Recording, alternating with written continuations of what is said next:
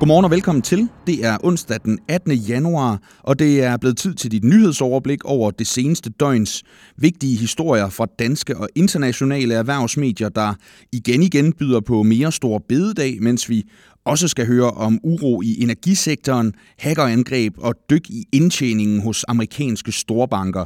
Inden vi i slutningen af udsendelsen besøger den svejsiske alpeby Davos og det økonomiske topmøde. Jeg hedder Frederik Vincent. Velkommen til Morgenbriefing.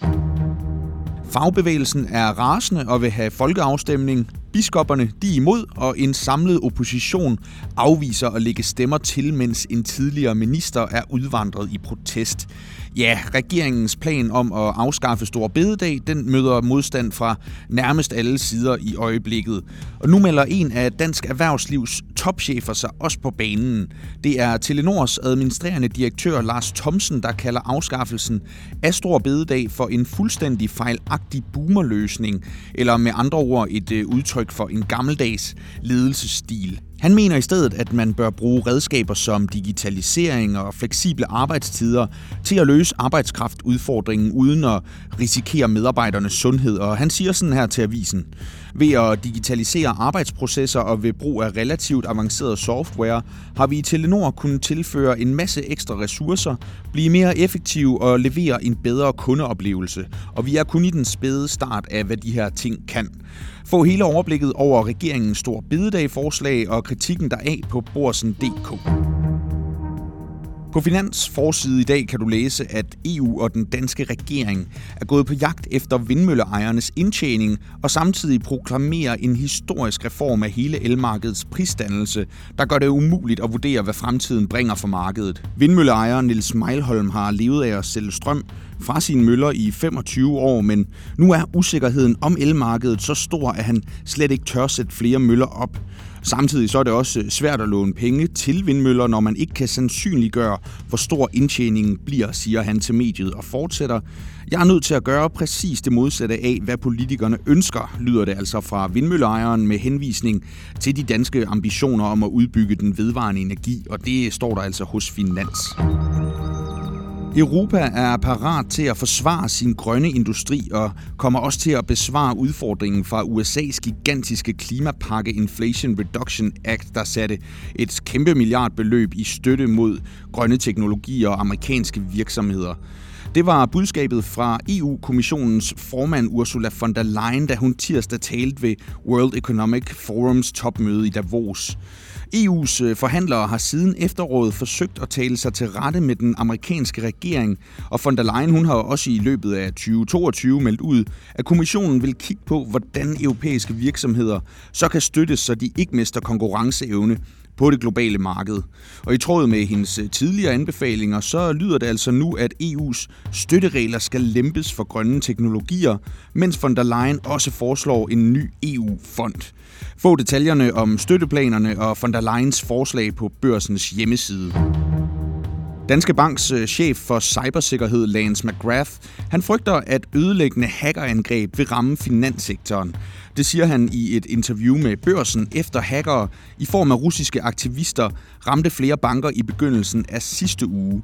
Det helt store angreb det er udeblevet, men på et eller andet tidspunkt så vil et destruktivt cyberangreb ramme sit mål og sprede sig, og det skal vi være forberedt på, siger han. I november der advarede generalsekretær i NATO Jens Stoltenberg også om en voksende cybertrussel og gentog, at et cyberangreb mod et NATO-land kan udløse musketeriden i artikel 5, og du kan læse mere om hackerangrebene på borsen.dk.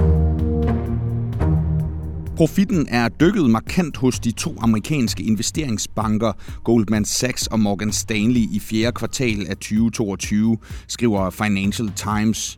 Begge storbankerne de har tabt næsten halvdelen af indtægterne fra deres investeringsgebyrer, men øh, Morgan Stanley er til gengæld lykkedes med at vokse hurtigt på sin formueforvaltning og landede et resultat, der oversteg analytikernes forventninger. På den baggrund så steg aktien 6% tirsdag. Modsat så fik Goldman Sachs klø på markedet og faldt med mere end 6%, mens bankens topchef David Solomon også har meldt ud, at resultatet for fjerde kvartal var skuffende. Banken står samtidig over for en drastisk sparerunde med mere end 3.000 fyringer, og du kan læse mere om de to bankers resultater og fremtidige planer på Financial Times. Mens boligpriserne allerede er begyndt at falde i Danmark og flere andre europæiske lande som Sverige, der har set særligt store fald i priserne, så har det ungarske boligmarked været det stærkeste af slagsen i EU det seneste årti. Nu tyder det altså på, at de ungarske boligpriser også har toppet for nu, skriver erhvervsmediet Bloomberg, på baggrund af data fra en af Ungars største udlånere til boliger. I fjerde kvartal 2022, der er priserne på lejligheder faldet med 4% i landet, mens huse er faldet 5%, viser tallene. Det er særligt krigen mellem Rusland og Ukraine, der har skadet økonomien i landet og skabt en inflationseksplosion, der fik centralbanken til at hæve renten til hele 18 procent, hvilket nu altså kan mærkes tydeligt på boligmarkedet, og det skriver Bloomberg. På de amerikanske markeder var det bankaktierne, som trak mest ned tirsdag, blandt andet efter det skuffende regnskab fra Goldman Sachs, mens Tesla og chipkæmpen Nvidia gik frem. Fra økonomien var den gode nyhed, at BNP-væksten i Kina på 3% rent i 2022 var bedre end ventet, ligesom tilliden hos de tyske finansaktører steg kraftigt. Det brede S&P 500-indeks endte alligevel med at bakke beskedende 0,2%, Dow Jones fik øh, flest hug, og særligt på grund af bankaktierne, og endte i minus på 1,1 procent. Nasdaq var det eneste af de store indeks, der kravlede i plus med 0,1 procent. Herhjemme der øh, havde det danske eliteindeks en vævende tirsdag, hvor retningen skiftede flere gange i løbet af dagen, men øh, til sidst der endte det altså med et marginal plus på 0,07 procent til C25. Få detaljerne og dit overblik på Borsen.dk Investor. Toppen af verdens erhvervsliv mødes i den her uge i den svejsiske alpeby Davos til det økonomiske topmøde, der efter ankomstdagen mandag nu er gået rigtig i gang tirsdag.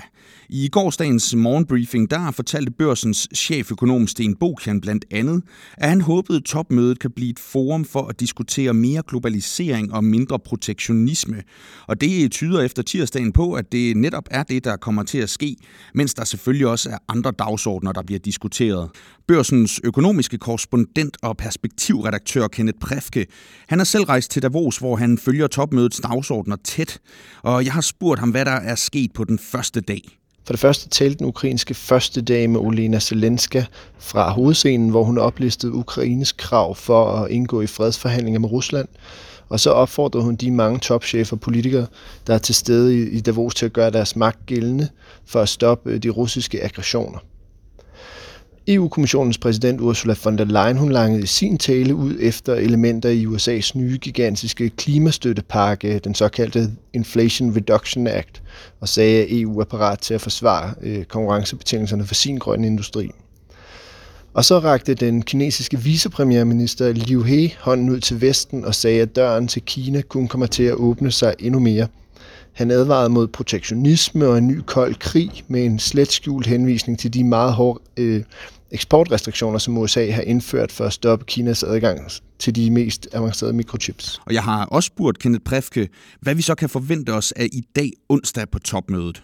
Onsdag taler den tyske kansler Olaf Scholz øh, onsdag eftermiddag, hvor mange især vil lytte efter signaler for, om tyskerne er villige til at sende de tysk producerede kampvogne til Ukraine, som de hidtil har blokeret for. Og så fortsætter diskussionerne om det, der er de store temaer på Davos møde i år.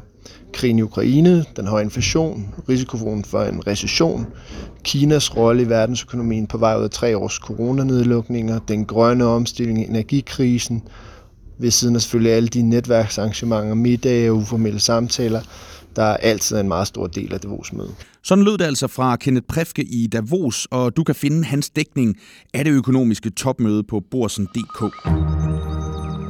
Det var morgenbriefing for i dag. Tak for at lytte med. Vi vender selvfølgelig tilbage med flere erhvervsnyheder i morgen torsdag. Indtil da, så håber jeg, at du får en gennemsolid onsdag.